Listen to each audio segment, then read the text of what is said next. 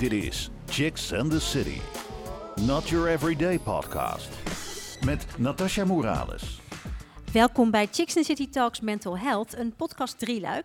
In een reeks van drie afleveringen willen de meiden samen met hun gasten de schaamte en taboes rondom mentale gezondheid doorbreken. En dat doen wij door over drie verschillende onderwerpen te praten, namelijk mental health en you. Hoe maak je mental health bespreekbaar en hoe zet je de eerste stap om hulp te vragen? Nou, deze laatste vraag bespreken we met Sophie Kovendan en Jorian de Korte. Zij werken als vrijwilligers bij Ed, of ja, Ed Ease, moet ik zeggen, in Rotterdam. Ed Ease is een organisatie die zich inzet voor jongeren van 12 tot 25 jaar. En jongeren kunnen bij hen terecht met alles wat hun bezighoudt. Ze doen dit door een, ja, een laag, laagdrempelige plek te zijn, waar jongeren gratis en anoniem kunnen langslopen. Geen enkel onderwerp is dus te gek. En als het nodig is, dan kunnen zij jongeren ook weer doorverwijzen naar bijvoorbeeld een psycholoog, die dan ook weer onderdeel uitmaakt van het coördinatieteam. Welkom, Sophie en Jorian. Dankjewel. Ja, Bedankt. tof dat jullie er zijn. Uit een recent onderzoek, eh, namelijk eh, april 2021, dat is eh, best recent, in Kralingen-Krooswijk door de gemeente Rotterdam onder 15 jongeren die mee hebben gedaan, geven de jongeren aan dat zij zich niet zozeer eenzaam voelen, maar wel somber voelen. Ehm, herkennen jullie dat terug in de verhalen die jullie terugkrijgen van jongeren die bij jullie langskomen? Ja, op, op zich wel. En eh, het is natuurlijk ook al veel over gezegd dat heel veel problemen eigenlijk eh, samenhangen. En eh, ja, ik denk juist dat eenzaamheid is een heel erg breed begrip. En ik denk eigenlijk dat, eh, ja, je hoort niet direct aan eenzaamheid, maar dan als je doorvraagt, dan is het wel van hé, hey, ja, ik vertel het niet en dit en dat. En dat scharen wij dan ook onder eenzaamheid. Van, oh ja, dat je alleen blijft met je gedachten eigenlijk. Je gevoel en je gedachten niet eh, durft en kunt uiten. Of, Ja. ja. Dus zo zien wij dan eh, eigenlijk dat, die, eh, ja, Ja. dat verband. Dus dat zie je dan wel op Ja, die manier dan wel weer terug. heel erg terugkomen. Ja, ja, ja, ja. ja. Ehm, de chicks die vandaag jullie gaan interviewen, dat zijn Musa en Tessa. Dag dames. Hoi. Kunnen jullie even kort voorstellen, Tessa? Ik ben Tessa, ik ben 26. Dit is mijn eerste podcast. Ik ben super nerveus. Ik heb het, eh, ik heb het in mijn keel. Ik voel het in mijn keel. En we gaan over naar Musa. nou, goed gedaan hoor, Tessa. Ja, Musa. ik ben Moesa, ik ben 20 jaar en eh, ja, dit is nu niet mijn eerste podcast, maar ik heb er wel heel veel zin in. Ja, precies. Hey, en ehm, wat vinden jullie ervan om over dit onderwerp eh, te praten, Tessa? Wat vind je ervan? Ja, ik vind het nodig. Ik ben eigenlijk nog best wel stil van de podcast van daarnet. Want daar kwamen echt heel veel hashtag relatable dingen eh, in naar voren. Ik vind het belangrijk om er open over te zijn. En als je er niet over kan praten, schrijf het dan op zijn minst op. Want dan wordt het ook duidelijker. Dankjewel. Dank Nou, Musa, nou, ehm, ja, ik Ja. heb natuurlijk al best wel veel met jou over gehad. Maar eh, jongeren, denk jij dat er om jou heen ook, dat je veel jonge kinderen, vooral als je zegt van eh, vanaf 12 jaar, is best wel jong natuurlijk. Zie jij dat een beetje om je heen ook gebeuren? Je zegt van nou, ja, ik merk wel dat steeds meer jongeren, dus ook kinderen, wat vaker in contact komen met bijvoorbeeld social media. En daar gebeuren ook dingen op die er kunnen voor zorgen dat je, men- je mentale gezondheid Mhm. gewoon wat steeds slechter wordt. Ja. Dus ik vind wel dat we daar ook nog moeten kijken naar hoe jongeren, dus 12 jaar, dat we daar ook nog gaan kijken van hé, hey, daar zit het ook wel en het Ja. speelt er ook mee. Want heel veel mensen denken dat het echt alleen maar is met mensen die een beetje 16, 18 jaar, dat het daar meestal speelt. Maar het begint ook steeds jonger. Ja, is dat ook iets wat jullie herkennen? Dat, het, dat, het wel, eh, dat er veel ook jongere kinderen naar jullie toe komen, zeg maar vanaf 12 jaar, 13? Of is het vooral toch de wat oudere waar jullie eh, mee te maken hebben? Nou, toevallig, eh, nou, we hebben ook een chatdienst, zeg maar. Zeker door corona is dat, ja, is natuurlijk interessant geworden, Ja. omdat mensen niet meer echt langs konden komen. Dus toen hebben we ook de chatdienst opgericht. En nou, toevallig dat je het vraagt en over jongere kinderen hebt. We hadden dus wel, is wel een heel aandoenlijk verhaal ook. Hadden we drie, eh, drie, twee meisjes, een tweeling. En die waren dus eh 12, 13 jaar. En die kwamen dus op de chat en eh, die kwamen het hebben over eh, dat hun zusje eh, negeerde. En dat was eigenlijk, ze gingen naar de middelbare school en zij mochten naar VWO. En dat zusje dat ging naar HAVO. En eh, ja, die spraken elkaar dus niet meer. En ze bleven op de kamer zitten, zelfs op de verjaardag. Maar ja, dat was een heel aandoenlijk Ja. verhaal. En, maar je ziet dus ook dat zulke soort kinderen dus wel de weg weten te vinden.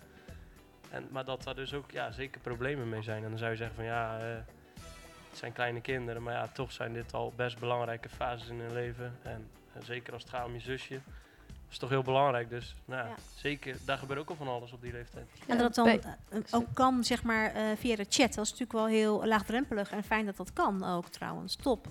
Ja, bij elke levensfase hoort natuurlijk weer een andere belevingswereld. Dus Ja. ja. wat wij als problemen zien, dat kan voor een kind van tien jaar weer heel anders zijn.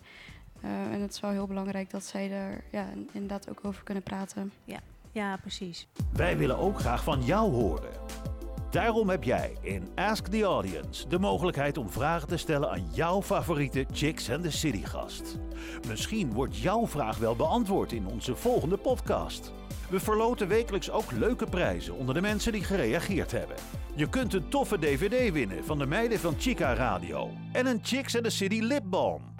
Reageren kan. Ga naar Rijmond Chicks op Facebook of op Instagram. Chicks and the City Podcasts. Wil je weten wie er de volgende keer te gast is? Check het op chicksandthecity.nl. Je luistert naar Chicks and the City. Kunnen jullie iets meer vertellen over At Ease en waarom het zo belangrijk is dat een initiatief als At Ease überhaupt bestaat in de maatschappij? Ehm, nou ja, ik denk dat het net ook al eh, best wel veel is benoemd natuurlijk. Maar er zijn heel weinig mensen die eigenlijk op zoek gaan naar hulp. Volgens mij, als ik het goed zeg, wordt maar 20% van de jongeren krijgt op tijd eh, hulp. En ook heel veel psychische aandoeningen ontstaan al in de, in de, ja, in de jeugd. Dus het is eigenlijk heel jammer dat daar zo'n grote, groot verschil tussen zit. En het is dus eigenlijk ontstaan om, ja, om, dat, om die brug een beetje te vormen tussen, eh, tussen hulp, ja, de hulpvraag eigenlijk. Ehm, zo kunnen mensen ook sneller uiteindelijk daadwerkelijk naar een psycholoog of een psychiater toestappen. Eh, en daarvoor kunnen ze ook eerst even ja, wennen om te kijken hoe het is om met iemand te praten. Oké, ehm, ja, wat was voor jullie de reden om, om vrijwilliger te worden en hoe zijn jullie eh, bij Ease terechtgekomen? Eh, ik heb zelf ook een depressie gehad. En eh, een goede vriend van me die zei, ja, in Limburg hebben, of in Maastricht specifiek, hebben we het Ease. En dat vind je waarschijnlijk heel vet, want daar doen ze dit en dat. Dus ik een berichtje sturen naar de Instagram van het Ease. Mhm. Zei ik van, hé, zit hier ook in Rotterdam? Zei ze, nee, maar dat willen we wel gaan doen. Nou, toen kwam ik in contact eigenlijk met initiatiefneemster. en vanaf toen heb ik eigenlijk met haar eh, ja, het opgezet, zeg maar. Ik zit ook meer in een. eh, ja, ik ben ook de rol van de jongeren, maar ik zit ook wat. Ik ben zeg maar locatiemanager van het IS. Maar jij, jij hebt het opgezet, zeg maar, de, de variant in Rotterdam bedoel je? Of heb je echt... Het Nee, de vestiging in Oh, Rotterdam. de vestiging in Rotterdam, ja Samen precies. met eh, Nina, de psychiater bij ons. Ah, oké. En het bestond al op, op andere plekken, Klopt. maar nog niet in Rotterdam. En toen had jij zoiets van, hey ho, leuk. Ja, er, wa- er wa- was dus een, een, een psychiater was daarmee bezig. En Mhm. toen hebben we dat eigenlijk eh, vanaf februari 2019 eh, uitgerold. 2019 denk Ja. ik. Oh, wat goed dat het nu ook in Rotterdam... En dat is hier in de bibliotheek, hè? Jazeker. Helemaal goed, helemaal goed. Top, zeg. Ja, en kan iedereen zomaar vrijwilliger worden? Zijn er eisen waar je aan moet voldoen? Nou ja, de meeste vrijwilligers, dat eh, zijn studenten. Dat ben ik zelf ook. Ik studeer psychologie en geneeskunde. Dus dat zijn ook de meeste mensen die er vrijwilliger zijn. Maar er zitten geen hele strenge eisen aan. eh, want er zijn ook mensen die vrijwilliger zijn die eh, zelf te maken hebben gehad met een depressie. En juist door hun eigen ervaring weer anderen heel graag willen helpen. Dus het hangt eigenlijk een beetje van je eigen motivatie af. Ja, om daarop, ja, om daarop aan te vullen. Ik doe zeg maar de intakegesprekken en waar ik dan vooral op let is... eh, ja, hoe, hoe staat iemand in en is iemand intrinsiek gemotiveerd om echt wat te doen voor andere mensen? Want we hebben inderdaad veel studenten. Maar als je dan niet merkt van, eh, oh, ik vind het ook echt belangrijk van, oh ja, ik studeer psychologie en eh, dit doe ik omdat het goed staat op mijn cv. Ja, zulke mensen hebben het liefst ook niet. We willen echt van, oké, je hebt affiniteit met dit soort mensen en je wil je echt voor dat soort, eh, ja, mensen met problemen wil je inzetten. En daar letten wij op. En je moet ja, wel een beetje veerkrachtig natuurlijk ook zijn. Als er heftige problematiek op tafel komt, ja, dan wil je niet dat de vrijwilliger eh ja, daardoor meegetrokken wordt of huilend van tafel wegloopt. Ja. Eh, en natuurlijk dat je communicatief ook wel vaardig bent. Je moet goed kunnen luisteren en ook de juiste vragen stellen. Mhm. Maar de mensen die zich aanmelden, ja, dat is, die hebben al eigenlijk een bepaald profiel al. Eh, en ja, dan merk je, dat past eigenlijk wel snel. Oké. En ja, er komen veel jongeren naar jullie toe. Hoe zorgen jullie ervoor dat de jongeren zo comfortabel voelen om hun verhaal te doen? Tijdens de sessie? eh, ja, tijdens de sessies. Ehm, Nou ja, ten eerste, hier in de bibliotheek hebben we gewoon echt een, eh, een huiskamersetting. Dus ja, net zoals hoe we hier nu eigenlijk zitten. Alleen zonder de lekkere zitzakken. Dat is misschien nog een leuk idee, hè? ja, dat is misschien wel een leuk idee. Eh, maar ja, het is, het, het is niet alsof je zeg maar in een eh, soort TL licht tegenover elkaar aan een tafel zit. Dus dat, zo proberen we de drempel al te verlagen. Ehm, en bovendien, ja, ze praten eigenlijk met twee jongeren. Dus het is net als dat je nu met mij en Jorian praat. Ja, het- gaat echt over de, de domste kleine dingen. Het maakt voor ons niks uit. Dus het gaat erom dat je gewoon lekker je hart kan luchten. En bovendien, ja, via de chat, chat praten we natuurlijk ook. Dus dat is wel wat lastiger om, eh, om zo de drempel te verlagen. Maar ik had laatst bijvoorbeeld een gesprek met een meisje. En ja, dan, dan zeg ik soms af en toe van ja, ik ben zelf ook even oud als jij. Ik heb dit ook een keer meegemaakt. Zo op die en die manier heb ik het aangepakt. En toen merkte ik wel dat ze zei van oh, ik vind het wel heel fijn om met iemand te praten die gewoon hetzelfde in het leven staat als ik. Eh, dus dat zijn ook manieren hoe je dat kan doen. Ja, en we hebben alle vrijwilligers, voordat ze echt starten, dan eh, moet je een training van twee dagen doorlopen. En dan wordt er echt heel erg gefocust op, ja, hoe kan je iemand inderdaad eh, op zijn gemak stellen. En ja, waar, waar zorg je voor zodat diegene echt zijn verhaal kan doen. En dan, nou, dan krijg je vooral training in eh, ja, gesprekstechnieken, eh, non-verbale houding. Kijk, als je natuurlijk zo tegenover iemand gaat zitten, dan gaat iemand dat kopiëren en dan gaan ze niet hun verhaal doen. Dus daar, daar zijn we wel scherp op, dat je dat echt goed meekrijgt. Hoe je echt iemand dus op zijn gemak kan stellen. Maar en, en, stel nou dat, je, dat er iemand langskomt en je merkt door de gesprekken die je hebt van goh, daar is echt wel wat meer mee aan de hand. Die moet eigenlijk gewoon professionele hulp krijgen, gaat niet goed. Ehm, hoe ga je er dan mee om? Want jullie zijn zelf nog niet eh hulple nou, nog geen hulpverleners.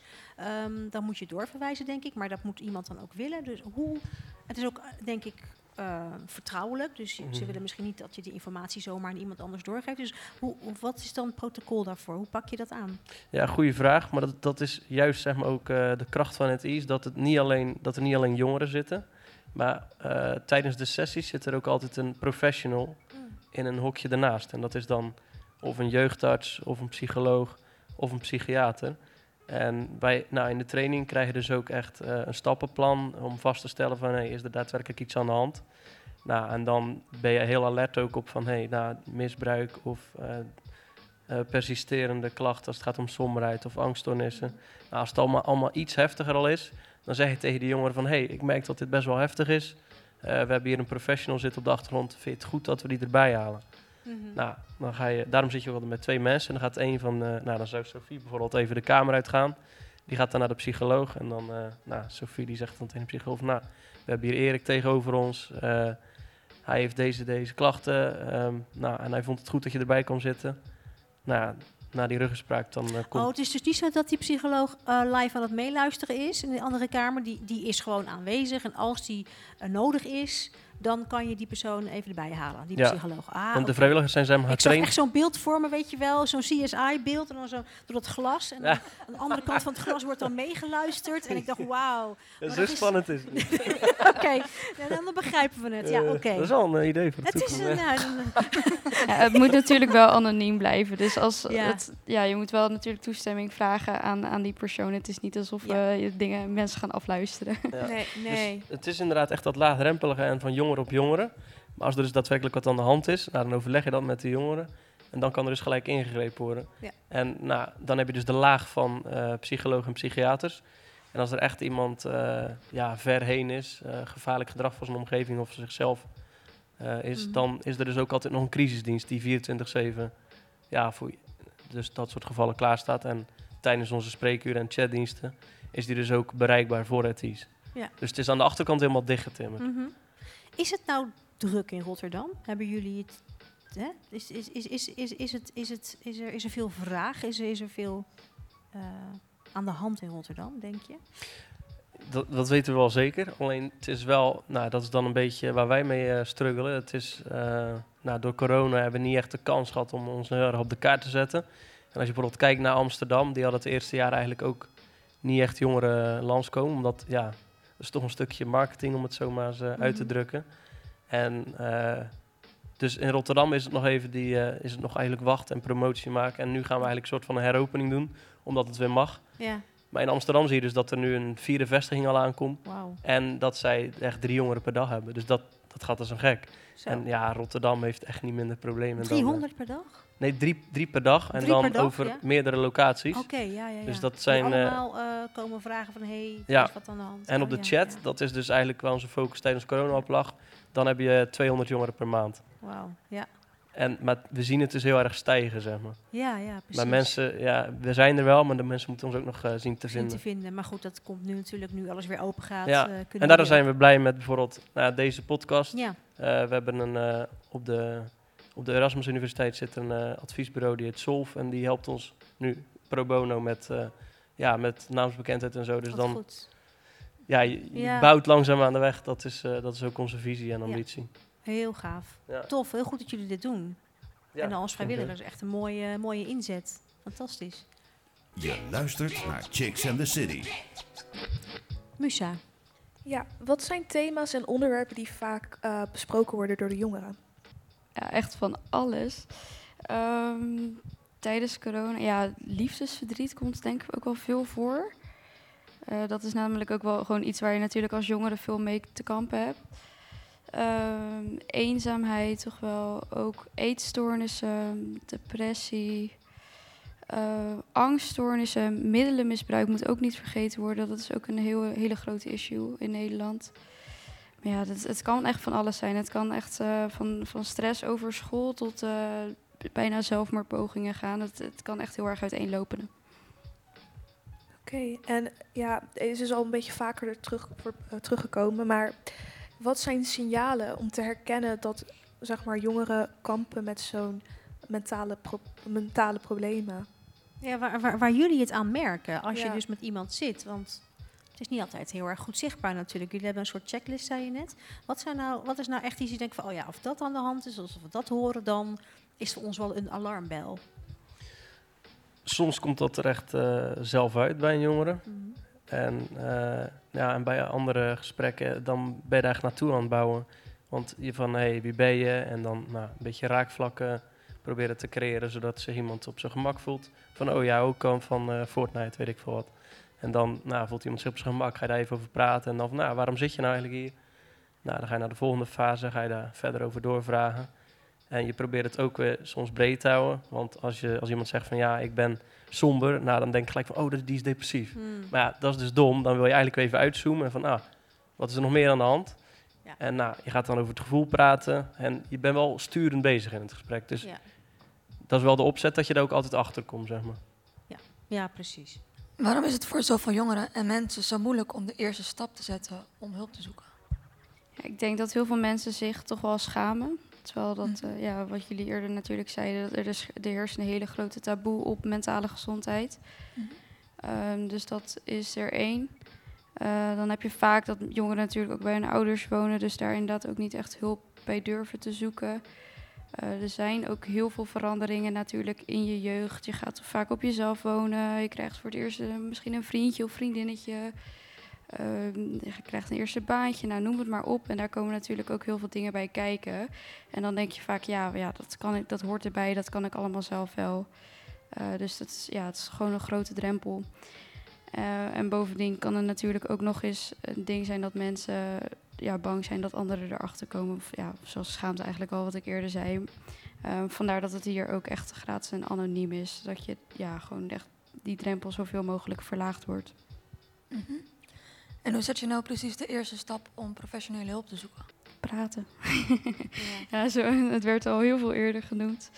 Ehm, het allerbelangrijkste is er praten er met iemand over. En of dat nou je beste vriendin is, of een van je ouders, of gewoon je huisarts inderdaad. Een vertrouwenspersoon op school. Het kan echt iedereen zijn. Eh, maar het belangrijkste is om er met iemand over te praten. En zo uiteindelijk gaan er steeds meer deuren voor je open. Ja, en bij dat praten is het vooral belangrijk dat je, dat je het normaliseert en accepteert. Dat, dat zijn ook de Mhm. kernwoorden eigenlijk die we bij eh, het Ease wel eh, ja, belangrijk vinden. Want als je, nou, dus als je toegeeft van hé, hey, blijkbaar gaat er iets niet helemaal goed in mijn hersenen en gaan daarom ook dingen fout in mijn leven. Nou, dan kom je natuurlijk ook tijdens een gesprek een beetje eh, kom je daarachter. En nou, als je dan accepteert van oké, dus, dus nou, er moet dus echt iets gedaan worden. En nou, blijkbaar hebben ook heel veel andere mensen dat, normaliseren dus. Mhm. Nou, één op de vijf. Ik bedoel, we zitten hier met 30 man. Zes, eh, nou, je hoorde net al dat er best wel mensen ook gewoon een depressie hebben gehad. Als je dat gevoel ook aan iemand geeft, van hé, hey, het is normaal. eh, zoveel mensen hebben het. Ja. Het is Het- oké het kan ook iedereen overkomen, dat, Ja, dat, dat- gevoel. Het kan ja. de beste overkomen. Ja, precies. Ja. Maar dat denken mensen van, oh ja, nou, het zal wel mij niet overkomen. Dat hoor je natuurlijk ook in de Wordt eerste ook vaak als podcast. zwak gezien, hè? Ook Ja. als je eh, paniekaanvallen of Ja. andere stoornissen hebt of wat dan ook, dan is dat, eh, wordt vaak door jezelf als zwakte gezien. Ja, Wat natuurlijk heel naar is, dat je jezelf zo daarin naar beneden haalt eigenlijk, hè? klopt. Ja. het is best wel complex. eh.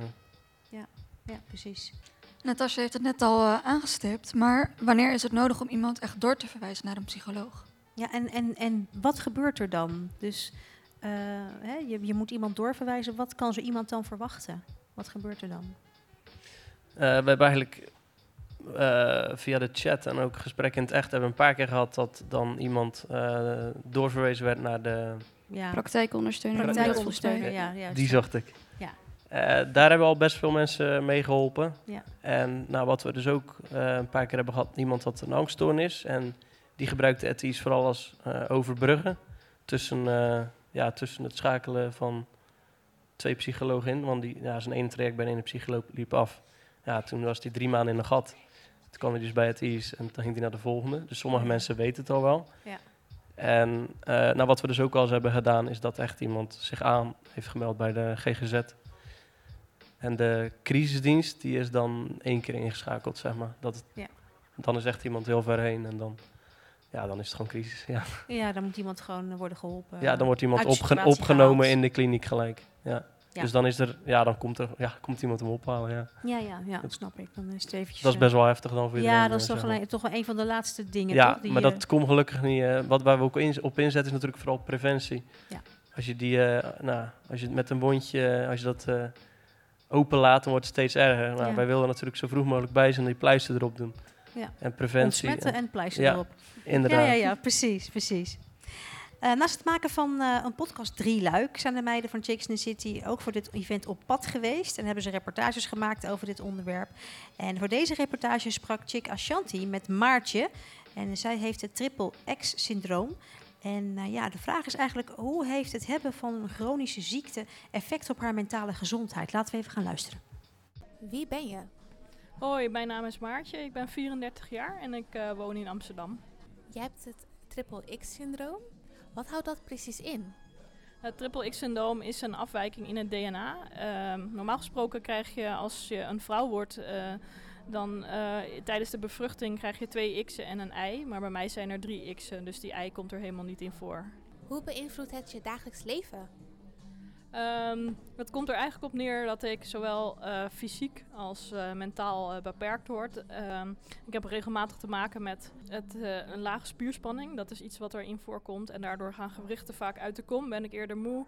Ehm, heb ik last van concentratieproblemen, depressieve klachten, psychoses, slecht slapen, heel veel verschillende allergieën, overgevoelig voor licht en geluid. Ehm, nou, dat is een klein deel van eh, de klachten die er, ja, waar ik tegenaan loop in het dagelijks leven. Er zijn er nog wel meer, maar het is te veel om op te noemen. Maar eh, dit is eigenlijk al genoeg om eh, te ervaren dat het voor mij een uitdaging is om dagelijks toch weer mijn bed uit te komen. Krijg je soms te maken met onbegrip vanuit je omgeving? Ja, dat krijg ik zeker wel. Want dit is zeg maar een lichamelijke beperking, maar ook een geestelijke beperking. En eh, op het moment dat ik vooral last heb van de geestelijke beperking, is het soms vaak zo dat je de lichamelijke beperking niet ziet. Omdat ik kan wel gewoon lopen en alles, maar eh, ik heb eens in de zoveel tijd gewichten uit de kom en eh, ja, lage spierspanning. Maar dat is niet altijd zichtbaar. Dus dan wordt er vaak ook gezegd van ja, nee, je bent lui of... hoe heet het, je wilt toch nooit mee, of ik vraag je niet meer, of ja, in jou hebben we toch niks. Ehm, dus dat is eh, best wel pijnlijk en daardoor ben ik ook wel wat mensen kwijtgeraakt. Maar ik heb zoiets van, ja, ik kies op dat moment wel gewoon voor mezelf. Want eh, er is er maar één ik en daar moet ik goed voor zorgen. En eh, ja, dan laat ik het soms ook maar gewoon even rusten. Heeft het hebben van een chronische ziekte ook invloed op je mentale gezondheid? Eh, ja, dat heeft het zeker. Want daardoor moet ik soms eh, dingen laten. Kijk, dan heb ik in mijn hoofd zitten dat ik bijvoorbeeld een hele dag eh, wil werken. En dan ook nog met een vriendin wat gaan drinken. En dan ook nog, bij wijze van spreken, uit eten. En stel ook nog stappen. En voor iemand zonder beperking is dat gewoon, ja, is ook wel veel, maar dat is meestal wel te doen. Maar ik ben zeg maar overgevoelig voor licht en geluid, maar ook voor stemmingen en sferen. Dus ik neem onbewust, ehm, ja, neem ik heel veel prikkels op die anderen niet opnemen. Dus dan de volgende dag, als ik zo'n dag zou plannen dat ik zoveel tegelijk zou doen, dan ben ik gewoon de eerstkomende dagen ben ik gewoon uitgeschakeld. Je hebt ook een Instagram-pagina waarin je post over jouw leven met het Triple X-syndroom. Wat wil je graag met de pagina bereiken? Ja, wat voor mij eh, heel erg mooi zou zijn, is eh, dat ik uiteindelijk aan de slag zou kunnen gaan als ervaringsdeskundige rondom het hebben van fysieke en of mentale eh, klachten.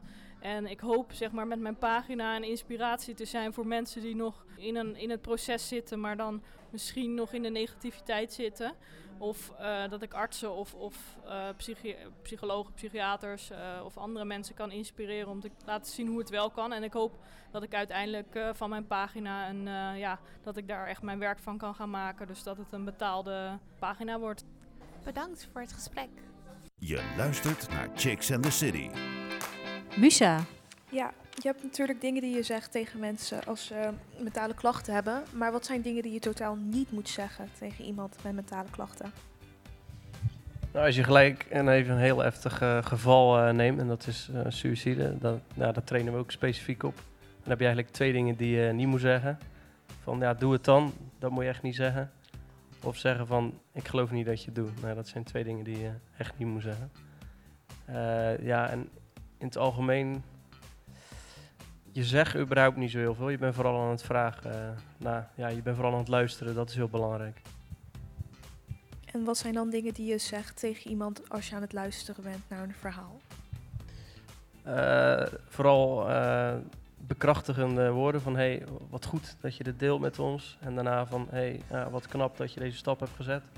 Dus heel erg dat je aan het empoweren bent. Dat is ook onderdeel van onze ja, gesprekstechniek, zeg maar. En uh, ja, als het soort van half vastgesteld is wat het nou is, nou, dan ben je dus tegenvragen aan stellen van hé, hey, wat denk je nou zelf van wanneer is een moment dat het wel goed ging? Nou, en dan komen ze waarschijnlijk uit bij een periode waarin het wel goed ging. En dan zeg je van hé, hey, welke stappen kunnen we zetten om daar terug in te komen? Dus je bent heel erg vanuit uh, de kracht van die persoon zelf uh, ook aan het denken, zeg maar. Want er zit ook, zit ook gewoon kracht nog in natuurlijk.